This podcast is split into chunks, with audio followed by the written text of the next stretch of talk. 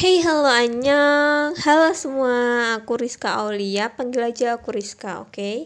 Di podcast kali ini Aku mau bahas tentang Daily aktivitasku selama satu minggu terakhir oke okay? uh, By the way maaf banget karena ada suara noise dari luar Seperti ayam berkokok Kendaraan lewat Karena aku ngerekord ini nggak di kamar gitu. Di ruangan depan deket jalan raya. Um, oke okay, kita lanjut. Tanggal 8 November hari Senin. Ya aktivitas kayak seperti biasa aja. Soalnya aku tuh nggak orang yang sibuk atau orang yang penting gitu. Aku bukan orang yang penting gitu. Jadi dia dia daily daily aktivitasku itu ya berangkat kerja pulang kerja habis pulang kerja setengah lima sampai rumah ya kurang lebih jam lima kurang. Habis itu jam lima aku kuliah online. Kalian tahu aku kuliah di mana? Oke. okay?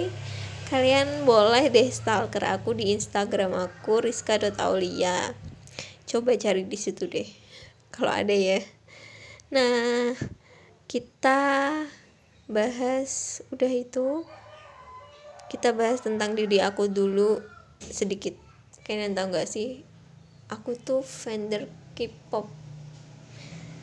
Jadi aduh aku malu banget sebenarnya kalau bilang aku fan girl K-pop karena di usia aku yang 20 tahun ini udah beranjak dewasa kan udah nggak zamannya main-main lagi gitu.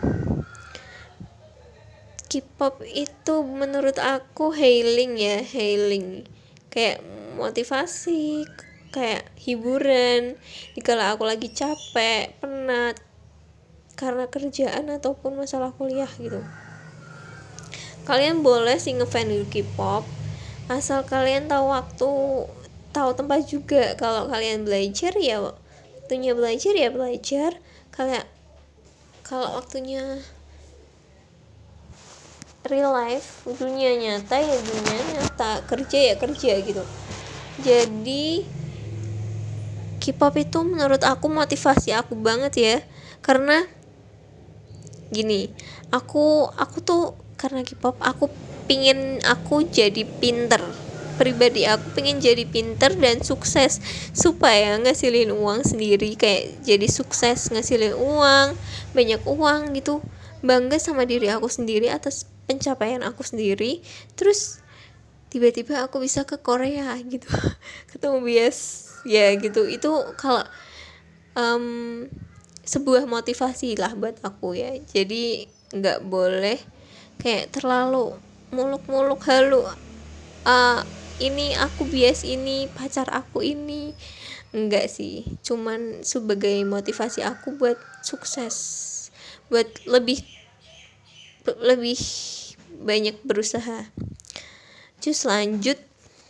Minggu ini hari yang menurut aku kurang beruntung sih ya karena aku minggu ini tuh kayaknya bolak harus bolak balik ke sana kemari guys tapi harus tetap semangat ya. Uh, hari Rabu aku pagi-pagi banget ke Polres Tabes Semarang. Yang tempatnya itu di deket rumah sakit Karyadi itu. Arah menuju Lawang Sewu Tugu Muda aku di situ ngurus surat kehilangan guys. Karena ya ada beberapa surat aku yang hilang dan harus di tangani secara langsung dan cepat gitu. Aku pulang dari Polrestabes itu jam 10 aku kerja tuh hari itu aku telat banget kayaknya. Telat jam 10 telat 2 jam kayaknya. Sedih banget kalau telat kayak nggak aslinya nggak pengen telat gitu. Cuman cuman karena faktor-faktor tertentu yang mengharuskan kita cepat mengharuskan kita telat. Aduh sakit. Kerja ya kerja pulang jam setengah lima kuliah terus habis itu aku ke Jacknot guys. Ada urusan mau beli sesuatu mau ngambil barang kayaknya. Lupa aku antara ngambil barang atau beli sesuatu. Atau nganterin temen gitu. Um, kalian tahu nggak sih Jacknot itu apa? Jacknot itu toko online terlengkap. Mereka itu jual banyak banget peralatan. Baik peralatan rumah tangga peralatan aksesoris handphone laptop sampai peralatan komputer pun ada di situ kalian pesan dan belinya itu juga gampang kok guys. Jadi kalian pesannya melalui web gitu. Kalian bisa diantar bisa ngambil sendiri ke situ. Tapi kalian pesannya lewat web dulu guys. Hari Rabu yang berat itu selesai dengan ditutup dengan tidur yang nyenyak. Eh, nggak uh, lupa sebelum tidur ritual aku lihat video-video lucu dulu supaya supaya terhibur dan bisa tidur nyenyak.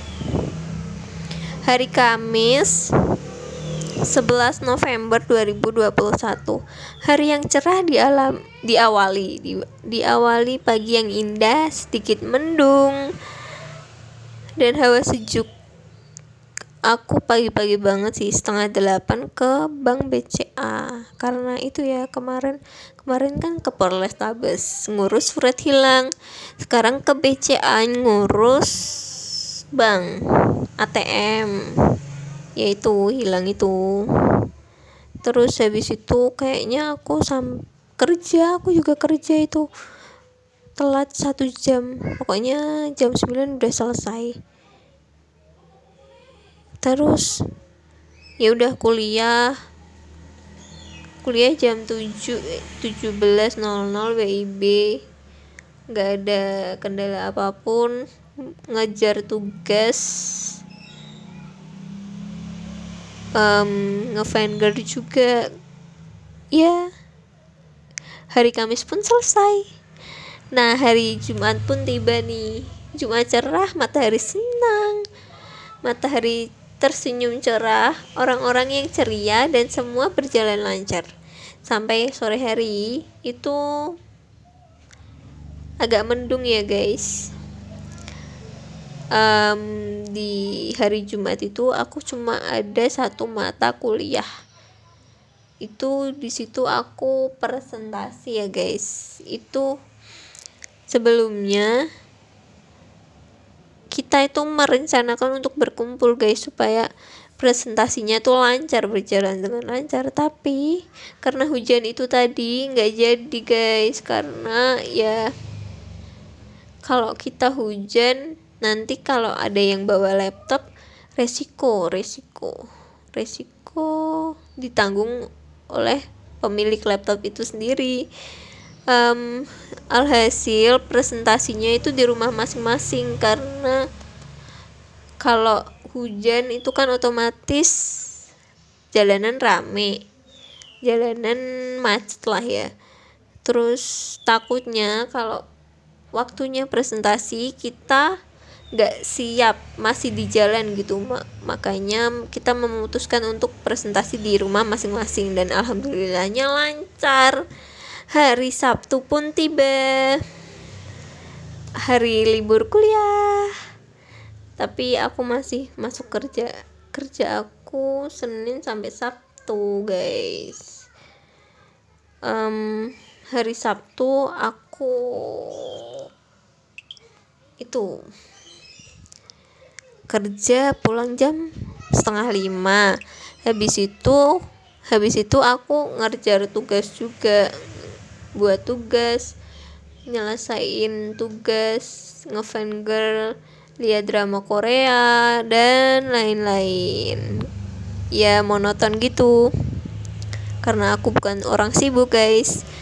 By the way kalian tahu gak sih K-pop itu apa? Kalian kan cuma ya mungkin sekilas-kilas ya. Kok K-pop K-pop itu Korea. Apa kayak orang-orang nyanyi Korea. Terus ada orang yang head comment juga kadang bilang plastik-plastik. Padahal itu menurut kita sih fans K-pop enggak. Karena mereka cantik ganteng terus udah dasarnya cantik ganteng terus mereka jadi debut debut itu kayak mulai memulai awal karir karirnya. Nah itu kan kalau artis ya dituntut untuk cantik dan ganteng kayak hmm, itu tampangnya visualnya ya guys. Jadi itu tuh tergantung sama make up dan perawatannya mereka. Jadi jadi kita sebagai fans K-pop itu ya udah terserah kalian kalau bilang mereka plastik atau enggak gitu.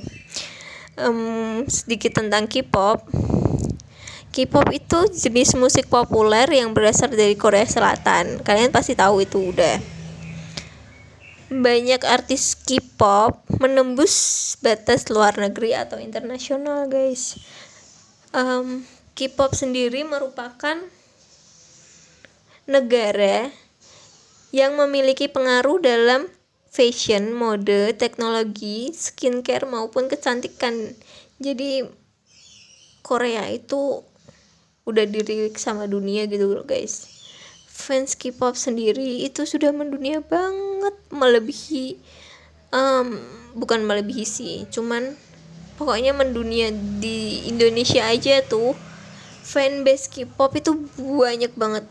Sampai sampai apa ya? Nggak kaleng-kaleng kayak kasusnya McDonald versus eh collab collab sama BTS itu. Kalian ngebayangin gak sih itu? Army fanbase BTS banyak banget yang berbondong-bondong ke McDonald cuma beli apa nggak tahu nugget atau apa itu. Cuman aku nggak ikut guys karena aku bukan fanbase dari BTS itu sendiri. Cuman ya aku menghargai mereka lah. Uh, grup-grup di Korea Selatan itu banyak banget. Aku misal aku sebutin ya. EXO. EXO itu aku EXO-L jadi EXO. EXO itu punya fanbase yang namanya EXO-L EXO-L itu di EXO-L di Indonesia itu udah besar banget ya guys. Kadang kalau ada event-event tertentu kayak artis EXO eh member EXO salah satu member EXO itu ulang tahun atau apa pasti XL di Indonesia itu entah itu kita kayak ngadain acara acara amal lah atau pokoknya acara-acara sosial guys. Jadi kita nggak ngaburin ngaburin uang kok. Cuman um, ada beberapa event yang kadang ngaburin uang kayak konser gitu. Cuman kita have fun gitu um, EXO sendiri itu beranggotakan 9 orang ya guys. 8 orang dari Korea satu orang dari Cina. EXO sendiri merupakan grup K-pop um, yang mendunia banget sih menurut aku. Lagunya salah satu lagu EXO Power dimainkan di pertunjukan air mancur Dubai Fontaine yang menjadikan EXO tuh boy band boy group boy group pertama yang menampilkan karya, karyanya di pertunjukan air mancur di Dubai Fountain. Kalian tahu gak sih Dubai Fountain itu apa? Itu itu pertunjukan air mancur terbesar di dunia loh guys. Uh, EXO sendiri itu merupakan salah satu boy group dari salah satu naungan perusahaan dari salah satu perusahaan terbesar di Korea Selatan yaitu SM Entertainment. Nah, perusahaan tiga besar di Korea Selatan itu ada JYP Entertainment, YG Entertainment, sama SM Entertainment, oke? Okay? Setelah itu adiknya, adiknya EXO, sama masih di SM Entertainment, NCT. NCT ini memiliki base fanbase yang besar juga di Indonesia maupun di luar negeri guys. Nah um, NCT ini NCT nama fansnya NCT Zen NCT ini memiliki 23 member ya guys. Banyak banget kan? Dan itu tercatat per 2020 sampai 2021 katanya comeback tahun ini 2021 ada nambah member lagi. Nggak tahu deh itu jadi apa enggak um, NCT NCT itu gabungan dari NCT U NCT 127 NCT Dream sama WiFi NCT U itu unit NCT yang kayak debut awal gitu. Mereka kan debut 2016 2016 nah unit yang debut di NCTU itu kayaknya member-member yang debutnya tahun 2015 gitu. NCT 127 itu kayak um, pasti di grup gitu kan banyak ya. Usianya 23 tahun nggak mungkin ada yang tua ada yang muda ada yang sama gitu. Jadi NCT 127 itu kayak grup di unit yang kakak-kakaknya gitu. Kayak usia yang udah kakak-kakak gitu. Nah NCT Dream. NCT Dream ini unitnya adik-adiknya gitu. Kayak usianya kisaran 21 sampai 18 18 sampai 21 guys. Jadi NCT Dream itu mengisahkan tentang um, seorang remaja yang me ingin meraih kesuksesan gitu dream ya kan? Kalau Wavy sendiri itu uh, unit NCT yang debut di Cina. Cina guys. NCT sendiri itu semuanya enggak enggak semua dari Korea kok guys. Ada yang dari Kanada Mark Hong Kong Lucas Jepang Shotaro sama Yuta Chicago Cina Thailand. Banyak kok. Terus girl group. Blackpink. Kalian tahu nggak sih Blackpink? Ya setidaknya kalian pernah denger sih ya. Lagu It's Oke. okay? Nah, Blackpink ini girl group dari YG Entertainment. Blackpink ini Blackpink ini memiliki empat anggota ya guys, empat member. Mereka debut tahun 2015. Fans mereka itu namanya Blink. Blink sendiri itu banyak banget guys dan bahkan fanboy fanboy itu istilahnya fan laki-laki dari artis K-pop atau artis luar negeri gitu. Banyak banget karena Blackpink ini memiliki citra yang cantik apa banyak multi talent terus banyak bakat juga. Blackpink ini juga memiliki ya guys. Blackpink ini sendiri memiliki pengaruh di dunia fashion nggak diragukan lagi karena Blackpink empat keempat Blackpink ini keempat member Blackpink ini merupakan brand ambassador merek terkenal di dunia guys. Jisoo itu brand ambassadornya Dior.